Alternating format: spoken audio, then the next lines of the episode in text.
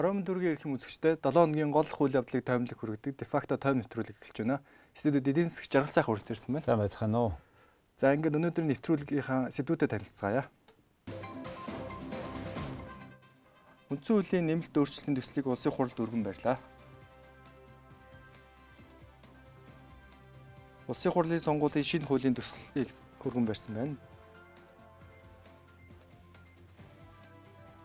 Дипломат паспорт паспорттай хоёр иргэн хар тамхи зөөж байгаад баригдлаа.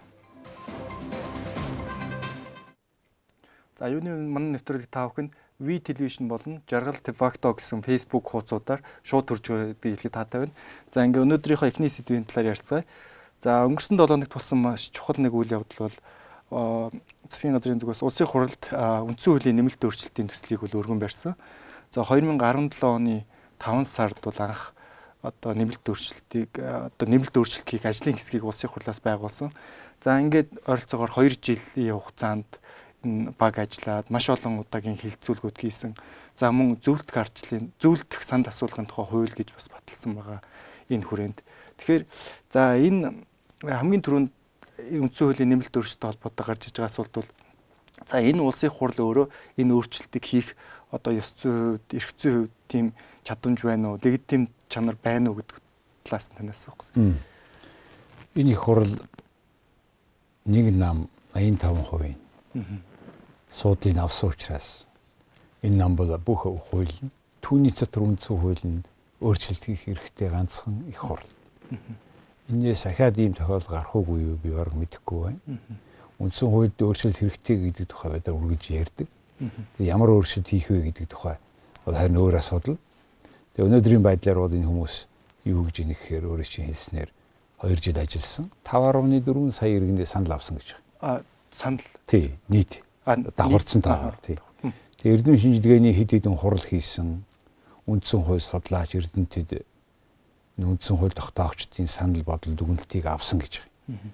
Тэгээ одоо энэ их хурлаар энэ үндсэн хуулиа хэлэлцъя гэдэг төсвийн бэлдээд 67 гишүүн гар үсэг зурцсан байна.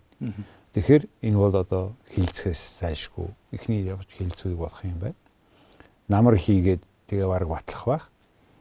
За үндсэн хуулийн 6 дугаар бүлэгт 69 зүгээр зүйлд нь энэ үндсэн хуульд өөрчлөлт оруулахын тулд улсын хурлын гишүүдийн дөрөвний 3-ын саналаар хийнэ гэсэн заалт байх.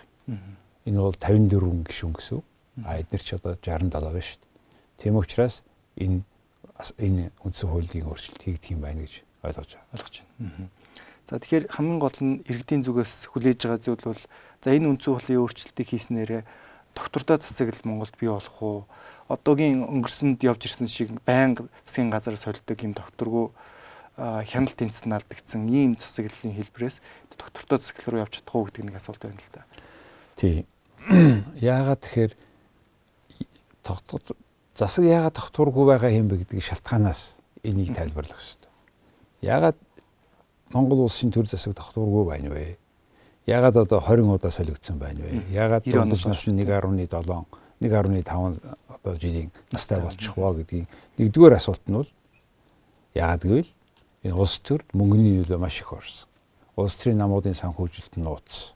Санхүүжилтэндээ хэн юу гаргасан тэр хүмүүс нь илүү эрх мэдэлтэй байхыг бододог энэ асуудалд үндсэн хуульдаа энэ улс төрийн намуудын санхүүжилтийг энэ өөрчлөлт дотроо ил тод байлгах тухай заалт өгсөн. За мөн тэгснээрээ улсын төсвөөс санхүүжүүлнэ гэсэн ийм маягаар энэ дээр хандсан байна. Хоёрдугаар төр засагт чадахгүйгаараа сонголт хийхгүй хүнээ томилдог томилж ирсэн. За энэ дээр анхаарад энэ улс төрийн ерөнхий сонгуул болсны дараа энэ улс төрийн төрийн ажилчдыг өөрчлөхгүй байх тухай бас заалт оруулж өгж байгаа юм байна. За 3 дугаар харилцан тэнцвэртэй байх талаар бас жишээлбэл энэ гурван засаглал шүү дээ. Гүйцэтгэх одоо ингээд хууль тогтоог гүйцэтгэх шүүх засаглал гэдэг. Энэ хууль тогтоогчдоос нь 18 гүйцэтгэх засаглал руу орсныг болиулаад одоо 4 хүн за хамгийн ихтэй 5 хүн ерөнхий сайд оруулаад байхаар бусд нь бол ингээд биш байхаар ингэж хийсэн. Давхар дийлгүү. Тийм хязгаарлалт хийж өгсөн байна. За ерөнхий сайд өөрөө кабинетээ бүрэлдүүлдэг бүрэн хариуцсан хүлээдэг, түнд итгэл хүлээдэг, хүлээдэг гэсэн бас тийм барууны тэр зарчмыг оруулж байгаа юм ба. Ерөнхий цайд өөрөө долгоогоор бүхнийг хариуцахаар болгож хийж байна. Одоо бол ерөнхий сайдын сайд нарын томилдсон байдаг. Одоо бол хүн танилцуулаад маань хүн өөрөө хариуцаа явахаар хийх гэж байгаа юм байна. Шүүгчдийн хариуцахын зүйл гэдэг нэг юм байгуулж байгаа. Гэхдээ энэ дотор 10 шүүхийн ерөнхий зөвлөлийн гишүүн байхын 5-ыг нь улсын хурл холбогдох байнгын хорооноос томилж байгаа гэж бодохоор энэ нэг хамаарлан хараал бус байдал нь аль зэрэг болоо гэж бас эргэлзээ төрүүлж байна. За үндсэн хуулийн тэр цэцгийн гişүүдэд тавигдах шаардлагыг өндөржүүлж улс төрж оролцуулахгүй л гэж байна. Гэхдээ яг хэний улс төрж хийн яах юм. Нэг удаа 9 жилээр томилно гинэ. Мөн ерөнхийлөгчийг бас 2 удаа биш нэг удаа 6 жилээр томилох. Ийм юмнууд хийгдсэн онлын хувьд бол одоо ийм юмнуудыг тусгаад энэ төсөл явагдаж байна. Тэгээд энэ төслүүд хийгдснээр яг одоо тэгж биелэх үү тийм ээ. Төрөний гурван нөхцөл яг хэрэгжих үү гэдгэд л асуудал байна. Тэгэхээр ерөнхий сайд хитрхи их их мэдл өгчих гээд байна уу гэж хардах хардл бол бас байна. Тийм нэг талаасаа гэхдээ ерөнхий сайд чинь юу шүү дээ. Дотор нь бас нэг дөрвөн их хурлын гишүүн байгаа. Бас тэр нэг тэнцвэржүүлэх хүчин зүйл тийм ээ. За тэгээ бусд нь болохоор бол бусад мэрэгжлийн хүмүүс байх нь л дээ. Ер нь ерөнхий сайд жишээлбэл эрх мэдэлтэй байхгүй болохгүй байх. Аа мөн жишээлбэл төсөв хилэлцэж яхад шинээр зардал оруулж ирэх үгүй юу гэдгийг ерөнхий сайд мэднэ. Засгийн газраас засгийн газраас асуух юм байна.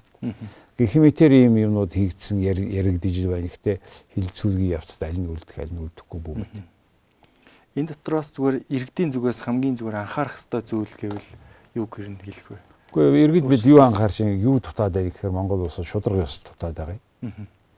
Тэгээд тэр юуны өмнө төр засгийн эрх мэдэлд очисон этгээдүүд нийтийн хөрөнгийг хулгайлж завшиж байгааг зогсоох хэрэгтэй. Хязгаарлах арга зам байна уу юу гэдгийг л харж байгаа. Хамгийн тод жишээ нь богдуулын ам бид нар дандаа ярьдаг. Туулын эрэг. Ягаад хэдхэн хүн энийг ингээл жижиглээл зараад баяжаа суугаад идэх. Ямар дарга сайтай холбоотой юм. Ягаад зөвхөн энэ хүмүүс авсан юм. Ийм асуулт. Тэгэхээр өөрөлдөн тогтолцоо өөрчлөгдсөн гэсэн энэ шудраг усны асуудлууд шийдэгдэхгүй хэврүүлдэг юм. Тий явж явж энэ бүтэц тогтцоогоос бол тэр руугаа хамаг буруугаа чихээд байгаа болохоос хүний харилцааны засаглалын энгийн ёс зүйн асуудлыг ер нь хөндөхгүй байгаамаа. Тэгээ дараа нь өөр нэг асуудал нь хотын даргаыг иргэдэд сонгох байдал бүдэг байна байхгүй байна. Сонгохгүй. Сум дүүргийн хэмжээнд л юм байна. Гэтэл гэтэл Улаанбаатар хот эдийн засгийн хагас нь хотын дарга чинь иргэддээ тайлгнадаг болмоор байна шүү дээ. Тэрийг томилсон ерөнхий сайд биш. Энэ асуудал байна. Гурав дахь нь болохоор энэ гимт хэрэг хийсэн этгээдүүд хөөн хилцэх хугацаа дуустал нь янз бүрийн аргаар хүлээлгэж байгаад одоо их олон том хэрэгүүд одоо чөлөөлөгдөх гэж байна. Энэ бүхнээс чинь болоод иргэд нөгөө шудраг ёс За тэр үндсэн хууль өөрчлөлөө, инээ тэрэ өөрчлөлөө. Тэгээ шудраг ёс нь хаа байгаа юм бэ? Шудраг ёсгүйгээр нь улс орн чи яаж өгчих юм бэ гэдэг асуудалд л иргэд анхаарах хэрэгтэй. Тэгээд эцэст нь хэлэхэд энэ дарга нар л хууль бүтс бүтс яриад байгаа болохоос явж явж хүмүүсийн хандлага байхгүй. Бид нийгэм даяараа төрийн энэ нийтийн засаглалд өөрөөр хандах хэрэгтэй байна.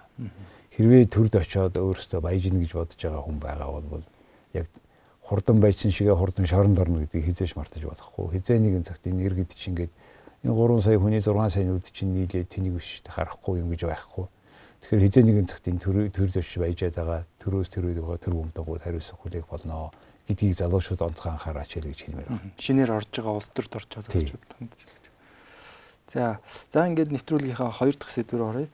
За өнгөрсөн 7 хоногт бас хүмүүсийн дунд нэлээд хилцүүлэг өрнөсөн нэг сэдв бол за сонгуулийн хуулийн асуудал байгаа. За засгийн газраас сонгуулийн хуулийн ер нь шин маш өргөнц гэж хэлж болохоор юм тогтолцоог санал болгосон байгаа. За улсаараа нэг тойрог байх. Тэгээд нам болгоноос нийт 76 гишүүн за мэдээж хүсвэл өөрсдийнхөө одоо чагсаалтыг гаргана гэсэн үг. Тэр дотроос иргэд нэг одоо хамгийн их дэмжиж байгаа нэг хүнээ сонгох сонгох ийм тогтолцоог бол санал болгосон байна. Тэгэхээр энэ тогтолцоо бол өөрөө маш цөөхөн оронд хэрэгждэг. За Монголд өмнө хэрэгжиж байгаагүй юм шинэ тогтолцоо байна л да. Тэгэхээр энэ тогтолцоог ер нь яагаад санал болгох вэ гэдгээс яриага хэлвэл. Юу вэ? Явж үзээгүй зам төөрсөн хүнд хамгийн зөв байдаг гэдэг шиг л болчиход байгаа юм л да. Тэгээд бол ямар нэг хэмжээгээр өөрчлөе. Учраа олохгүй л байна. Яг нэг явж үзээгүй нэг зам нь энэ л дээ. Нэг том тойрог болчихё гэж. Израиль улс ийм тогтолцоотой юм байна. Тэгэхээр том нам нь 76 хүний нэрс гаргаад ирэх нь шүү дээ. Жижиг намууд нь цөөхөн гарах байх л да бод. Тийм 76-аас сөн хүнтэй ч нам байж магадгүй. Тэгэхээр би даагчид 801 хүний гар үсэг аваад өөрөөсөө нэг тустай юм. Нам болгоноор нэг юм жижигхэн ном тохимол гаргаж очих юм шиг байна л да янз. Тий, тэгээ энэ бол улс төрийн намын жагсаалтаар явуулж байгаа том пропорционал систем гэсэн үг. Тэгээд нөгөө хүмүүс чинь тэрийг тэрээсээ сонгоно шүү дээ. Тэгээд э, ийм тоо гарч байгаа юм л да. Нөгөө 1.5 сая сонгогч ойролцоо байгаа гэж бодъё л тална. Тэгээд тэрийг 76 туваахаар нэг судал нэг 20 мянган орчим хүн авж иж 20 мянган орчим судал авж иж тэр судалд очих нь биш. Тэгэхээр тэрийг эхлээд нам нь авсан нийт тоогоороо нөгөө их хурлынхаа тоог тогтооно. Суудлынхаа.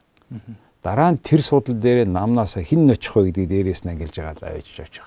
Гэхдээ жишээлбэл Израильд бусад орнд яг наазах нь хідэн хувиас дээш санал авсан хүн их хурл сууна гэдэг доотлих нь босхийг зааж өгд юм байна л. Жишээлбэл Израильд 3.2% гинэ. Казахстан 7% гин, Кыргызстан 5% гэж байна. Тэгэхээр нэг ийм заал зааж өгөх байх энэ тухайга ярихгүй байгаа. Жиж тохирно гэдэг байгаа. Энэ жиж тохирно жиж гаргана гэдэг чи их том 8 орох боломжтой болчихно л доо. Тэгээд энэ ирэх барьж байгаа нам хоёр нам яаж тохирох? Энийг хуулиндаа оруулсан байх хэрэгтэй жиж биш. Яг хуулиндаа л заасан байх хэрэгтэй. Үгүй юм бол ямар ч юм тохиролцоо гарч магадгүй. Тэгэхээр энэ талаар ер нь манай засгийн газраас хангалттай судалгаа хийсэн болов энэ За да манай энэ Монгол улсын засгийн газрын судалгаа гэдэг чинь хэдэн их хурлын гишүүн тэрийг тойрсон тослох нэг ингэсийг л дуусчихдээ шин. Яг л судалгаан дээр суурилсан бодлого гэж байхгүй. Алсыг хардггүй. Тэгээд тодорхой ойржийн ашиг сонирхлоор хууль тогтоодог. Тэр хуулийг 3 3 хоноод нэг өөрчилж байгаа байхгүй баг. Тийм хуульд 3 4 биш. Үргэлж өөрчилж идэг. Энэ юу харуулж юм гэхээр эсвэл мэдэхгүй байна. Эсвэл санаатаагаар юм хууль хийж гэнэ гэж. Ашиг сонирхол. Тий, ашиг сонирхлын зөрчил байна гэж. Би энэ дээр одоо тийм зөрчил байхгүй гэж өрдөөсөө хэлэхгүй. Яагаад гэвэл сонгуулийнхаа хуулийг жил болгон сонгуул болохынхаа урд жил нь төрийн ирэх барьж байгаа намууд нийлж ягаад өөрсдөө ашигтайгаар хийдэг ээлж жүжиг тавьдаг тэр жүжиг л одоо явагдаж байна. Тэгэхээр за яг энэ тогтолцоогоор одоо Монгол сонгуул явуулвал давуу тал харагдаж байна танд. Эрэг тал нь бол яг вэ иргэд араа олон сонголттой болох юм биз дээ. Өн жижиг тойргоор 2 3 намын хүн ирэхээр нэг нэг намаас нэг л хүн гэж байгаа. Тэр хүн надад таалагдахгүй. Сонголт байхгүй болчихж байгаа. Энэ намыг эсвэл энэ намыг сонгоё Одоо болохоор хандлтчин сонголт байна. 700 хүн ороод ирэх нь шүү дээ. Тэгээ ганцхан тэр техникийн хувьд яаж зохицуулах вэ гэдэг асуудал гарах баг. Тэрийг яг болох болтой тэр нөгөө 700 хүнийхээ нэрсийг хийгээ өөрийнхөө олж байгаа тийх бол настай хүүхэд хэцүү ш тэр чинь. Тэгэхээр техник. Тий гэрээсээ гарахтаа хүнээ сонгоцоо сонгочоод гарна шүү дээ. Яаггүй чи 700-аас ганцхан хүнийг сонгох юм чи. Тэгээ тэр хүнийхэн харьяа намынхан цаасыг авж байгаа зураад тэр машин руу оруулах болов уу гэж харж байна а эрэг талаасаа бол сонголт ихэ гэсэн. А сөрөг талаасаа бол энэ э, аслагдсан нутгийн төлөөлөл баг болчих болов. Зөвхөн эн чинь нөгөө олондо танил хүнийг л төрүүлээ дээ. Таньдгүй хүнийг хүн сонгохгүй л дээ. Таньдаг хүнээ мууч байсан сайн мууч бай юугаар ч гэсэн нэм нэртэй удаа тэр ингэдэг юм гээд сонгочих байх. Олны танил те. Тэгэхээр тэр олны танил хүн болгон алсын аслагдсан нутгийн сүнсний баган хүмүүсийн ашиг сонирхол заавал тэрийн болгон төөх үгүй юу гэдэг ийм сөрөг үр дагавар гарч магадгүй. Ийм л байдалтай л да. Тэгэхээр энэ сонгуулийн тогтолцоог хэрвээ хэрэгжүүлвэл улс төрийн намын төлөвшөлт ер нь яаж нөлөөлөх вэ гэж бодож байна? Улс төрийн намын гишүүд арай том зарчмын юм яриач ихлэх болов гэж. Ягаад гэвэл 2 3 хүн намын гишүүн аргуус бараг хоорондоо байлдчихж байгаа шүү дээ тийм ээ. Одоо нэгэнд ингээд 76 команд ороод ирэхэд хүнтэй команд ороод ирэхэд бусад 70 50-аа эсрэг байлдах боломжгүй. Ялгарх боломжны үхтэй зэрэг нөгөөдүүлийнхээ тухай янз бүр юм юм цуглуулж ялгархтаа биш зарчмын юмнууд ярих болох уу гэж бодож байна. Тэр нь зарчмын асуудал байна. Намын санхүүжилтийн асуудал байна. Ил тод байна уу? Шийдвэр гаргаж байна уу? Ийм ийм араа илүү үнэхээр араа тийм соёл иргэншилтэй юм уу ярьсан гişүүд нь тэрийг хэрэгжүүлж ирсэн хүмүүс нь ялгарх болов гэж. Энэ утгаараа улс төрийн намын төвшөлд тодорхой үүрэг гүйцэтгэх байна. Сайнаар. Тий. Сайнаар гүйцэтгэх байхаа гэж үзэж байна. Тэгэхээр нам дотроо л өрсөлдөөн бий болно гэж та үзэхгүй нү. Нэг намын нөхдөд хоорондоо харьцангуй бага өмнөхөөсөө өрсөлдөөн дандаа байгаа.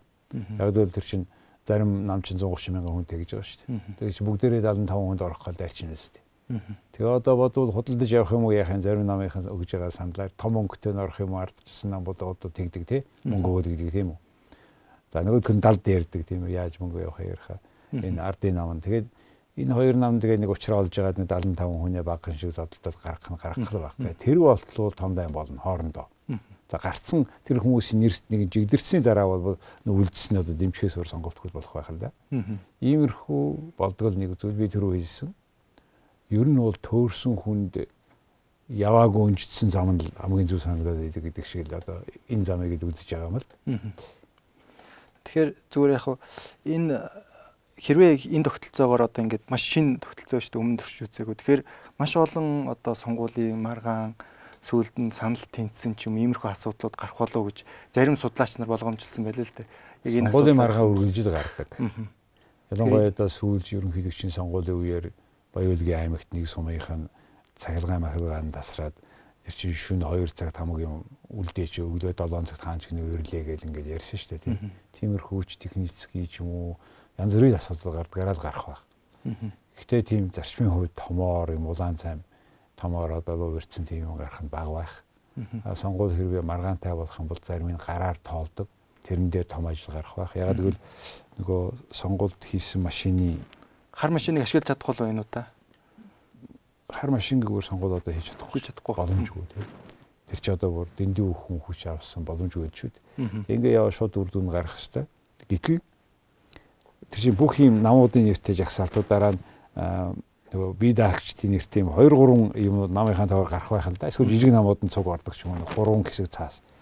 Тэгээд нөгөө сонгуул сонгох гээд орохдоо хүний сонгох гээд орохдоо нөгөө гурвынхаа нөгөө хүн чинь өөрөө шийдс ирж байгаа шүү дээ. Бүгдээр ингээд авч ороод тэгээ өөрийнхөө яг хэрэгтэй юуг аваад тэрийн дугуйлаад машин руу хийх болов гэж бодож байна. Тэр орсон нэг юм хавтгай цаас байгаа шүү дээ. Чи нэг хавтгай цаасан дээр 700 хүн гарах айгүй хэцүү те. Чи ийм ур цаас бол. Айгүй жижигнэр бич.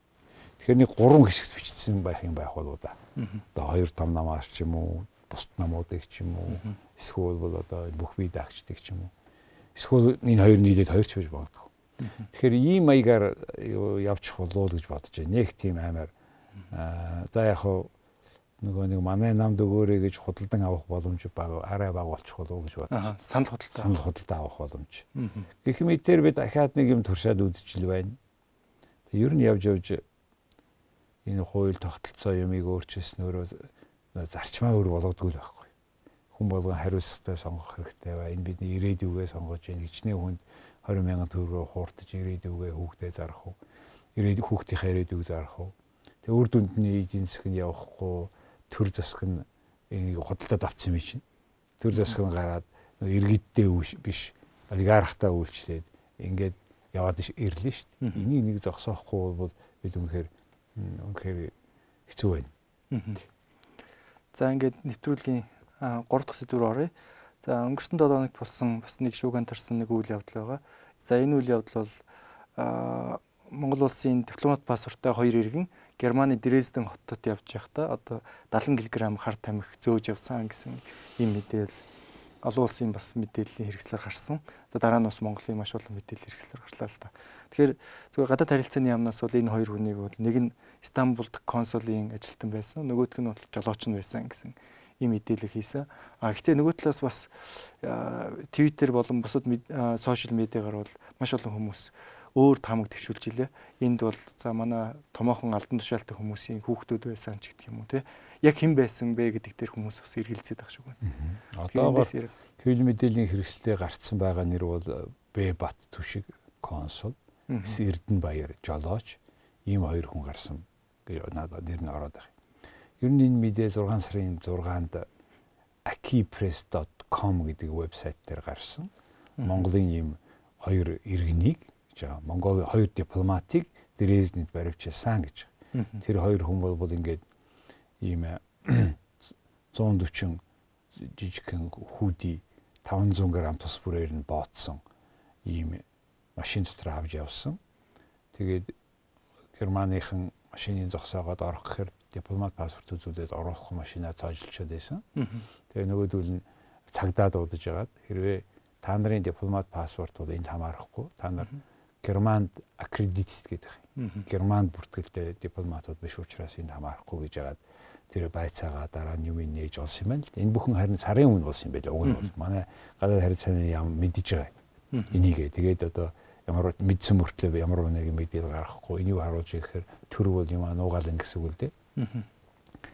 Тэгээ ийм юм харамсалтай ч юм уу ийм хачирхалтай эсвэл одоо ийм гутамшигтай ийм явдал болсон. Харамсалтай тийм. Тэгэхээр энэ за 70 кг гэдэг бол маш том хэмжээний дүнд сонсогдож байна л да. Тэгэхээр зүгээр нэг героин гэдэг героин гэдэг тийм героин гэдэг нь тийм хард амхины хүчтэй төрөл нь. Тэгэхээр энэ том хэмжээний хард амхийг гэдэг бол том одоо сүлжээ байна гэж зарим хүмүүс л хардж байна л да. Тийм байх. 3 сая еврогийн үнэтэй гэж байна тийм. Одоогийн төрсгийн удирдлагууд ч юм уу магадгүй том албан тушаалтнууд энд бас хамаатай болов та юу гэж бодож байна? Том хэргийн нэг хэсэг үү гэдэг талаас нь бас. За яг одоо хинтэй холбоотой би мэдэхгүй гэхдээ энэ бол манай төрлийн авилгалтай төр засгийн а засгаас заавал гарч ирэх ёстой нэг жимсэн муухай жимсэн энэ байхгүй. Яг хөвгтэй зэрэг дипломат ийм маш чухал манай улсын гадаад харилцаан дээр хин чамаагүй хүнийг оруулж яйн. Тэр хүмүүс нь ёс зүгээ дагахгүй байна. Тэгээ түүнээс гадна нөгөө дипломатууд нь ч гэсэн юм юмд оролцож ирсэн шүү дээ. Угаасаа тийм. Тэгэхээр энэ дипломат паспортыг гэмт хэргийн халахвч гэж ойлгосон этгээдүүд Монголын бүх монголчуудынхаа нэр хүндийг яаж унгаж байгааг одоо энэ харж ийн л ичж өхмөр тийм юм бол үйл явдал болж шít. Тэгээ Монгол улсыг төлөөлж ийн гэсэн диплом дипломат паспорттай мунаад иргэн тийм хүмүүс маань хулгай хийгээд хууль зөрчөө явж ийн тийм. Энэ бол юу хулгай юм да манай нэр төрийг хулгай явж шít. Тэгээд энэ гимт хэрэг үйлдээд тухайн орны хууль журмыг зөрчөөд явж байна. Ер нь энэ Монгол улсын гадаад паспорт, албан паспорттай хүмүүс виз хэтрүүлэх янз бүрийн арга тиймнүүд наадах нь гараад явах боллоо. Энэ бол тун харамсалтай. Гэхдээ энэ авилгацсан төрийн тэр үр жимсэн л дээ. Ганц энэч биш. Зөндөө олон ичгвтер явдал болоод байна шүү дээ. Тий. Тэгээ төрийн ажилтнууд нь казино тавуулж байна өө ер нь их юм байна. Тэгээд энэ иргэдэн бас хажуугаар нь мэдээж энгийн иргэдэн хулгай хийгээд шүү дээ тэнд чинь. Тэгээд бидний нэрийг бүр өстой ууланд авчиж шүү дээ хүмүүсийг. Тэгээд ядаж дипломатууд нь ингэж явах болохоор энэ одоо яамаар юм бэ? Төр зэсэг бол үнэхээр хариуцлагатай андмаар байгаа маа. Энэ хариуцсан сайд арга нар энэ хүмүүстэйгээ хариуцлага тооцооч. Гадаад харилцааны яамны зүгээс хариуцлага тооцох хэрэгтэй байх тийм үү энэ хүмүүстэйгээ? Тий шууд нэг нөгөөх нь ер нь бол гадаад харилцааны гадаад байгаа элчин сайдуудын яамнууд яамдуудаар энэ улс төрийн томоохон албан тушаал хашдаг намынхаа дарга энэ хүмүүстэй холбоотой эдний хамаатан саднаар л одоо үндсэндээ дүүрээд байгаа байхгүй. Энийг яам нь айгаа зогсоож чадахгүй байна. Тэгээ баахан хоорондоо ярьдаг. Тэг үр дүнд нь ингээд улсын нэг ингээд байх юм бол тэд нар хоорондоо юу ч ярьсан бидэрт ямар хамаатай. Тэгээ хийхгүй юм бол энэ хүмүүсийг өөрсдөө болиулах хэрэгтэй шүү дээ. Чадахгүй тэгээ чаддаг хүмүүст нөгөөд явах хэрэгтэй шүү дээ энэ хүмүүс. Тэгэхээр энэ төрийн албанд ёс зүйн хүмүүс одоо ийм иймэрхүү хэмжээний хэрэг үлдэж байгаа хүмүүс ороод байна гэдэг үндэс суурь маань өөрөө алтан тушаалыг наймаалцж байгаа тийм үү. Энэ 60 тэрбум ингэж хэлж байгаа. Магадгүй энэ хэрэгээс улбаатай байх тийм үү. Та юу гэж бодож байна? Тий. Тэгээд ер нь бол энэ харилцсан барьцаасан. Одоо жишээ миний чи трийг л бити ингээрээгээд сайд нар томилхтой хүртэл хоорондоо ярьж байгаа юм чинь. Тэгэхээр ийм байдал үнэхээр газар авчээ. Төр засаг бол үнэхээр муухай. Үнэхээр амар жигшүүртэй болж эхэлж байна. Бидний ард түмнийхээ нэр хамгаалж олон улсын харилцааг тогтоож биднийгээ сурталчиж явах хүмүүс маань өөрсдөө ингээд хар тамхины тамхины 8 хийгээд одоо хар тамхины их болцсон. Тамхины 8-аар бол 2000 оноос хойш бол маш олон хүмүүс гадаад харилцааны яамны хүмүүс энэ тэмдгүү баригдсан. Тэгээд гадаадын сонин дээр очихоор гарчдаг. Нүүрээ хийх газар олохгүй бол танай тэр дипломат гэсэн байна. Тэр дотор элчин сайдууд орсон байна. Янз бүрийн албан тушаалтай хүмүүс одоо Германд, Унгарт, Болгарт, Украинд, Оросод ингээд тамхи цөөгөөд байх юм аа. Дараа нь одоо ингээд хар тамхи цөөгөөд байх юм аа. Энэ бүхнийг одоо хизээ яаж зогсоох юм бэ гэдгийг гадаад харилцааны нэг ам жоох юм хиймээр юм аа Тэгээд одоо айгаад уурч чаддгүй гэдэг хүмүүсийн шалгаж барьж авдаг штеп. Тэгээчтэй энэ ч одоо яхаараа юу гэдэг юм бэ одоо энэ цэвэрлэгчийг ажилд явахдаа шалгаад идэг хүртлөө энэ бид нарыг төлөөлж байгаа дипломат паспорттай хүнийг шалгаач юм ч одоо ийм юм хийдмээр байна. Тэгэхээр одоо иргэдийн зүгээс нэг л юм харж байгаа бох. Тэр бол хариуцлага тооцох уу? Энд дээр хүнд ямар хариуцлага тооцох уу? Цаашдаа иймэрхүү асуудал гарахгүй тулд ямар яах ёстой вэ гэдэг. Би миний бодлоор эдгээр ингээ юу ч хариуцлага тооцож чадахгүй. Харилцан барьцаалтсан бие биенийхээ хамаатан саднаар. Тэгээд одоо юу гэдгийг хоорондоо баахаа яриад сүртэй том том юм яриад энэ эсэргүү итгээд үүдээ бид нарыг ингээд доромжилж байгаа хүмүүсийг ингээд гээл аштайхан толгойг нь эргүүлээд явчихна. Нэг хэдэн жилийн дараа ихаад өөр нэг ажил томлогдоод явчихна. Ийм хэмжээнд ийм гадаад харилцаа чи ингээд ялзраад эхэллээ шүү дээ. Энд одоо үнэхээр энэ одоо арай дэндэж яана л гэж хэлэхээс дээ яах вэ те. Ер нь иргэд бүгдээрээ энэ нэг маш тургуу байна. Тэгэхээр цаашдаа ер нь яах ёстой вэ? Цаашдаа иймэрхүү хэрэгүүдийг гаргахгүй тулд яах те энэ хүмүүсийг хизээж албан тушаалд төрийн албан тушаалд оруулж болохгүй. Нэгдүгээр хоёрдугаар ахаад энэ арын хаалганыхаа хүмүүсийг зогсоох хэрэгтэй. Авиас чадвараар нь авах хэрэгтэй. Шалгалтаа тэр Бразилд бас тэр Риогийн нэг сургууль байд юм байл. Дипломатийн сургууль.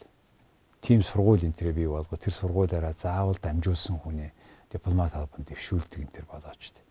Одоо тэр би энэ тухай 2 3 жилийн өмнө нийтлэг бичсэн. Тэгээд э, бусад оронд бол тэгээ тэгээ шийдчихдэг юм байлээ. Бид нар нэр үнэхээр яаралтай шийдэх хэрэгтэй байна. Ер нь одоо ингээд энгийн иргэд нь очиод тэр Таиландд хааных нь орноос юм хэлээд байдаг. Энэ тэмдгүү том ихтлгэрүүдээс сулгаа хийгээд байдаг. Тэгээд дипломатууд нь ингээд дипломат паспортаараа ингээд бүр томор хулгай хийгээд байдаг. Энэ бүхнийг зогсоох цаг болсон. За харамсалтай манай нэвтрүүлгийн цаг дууссан байна. Анхаарлаа хандуулсан үзэгч та бүхэнд маш их баярлалаа. Баярлалаа.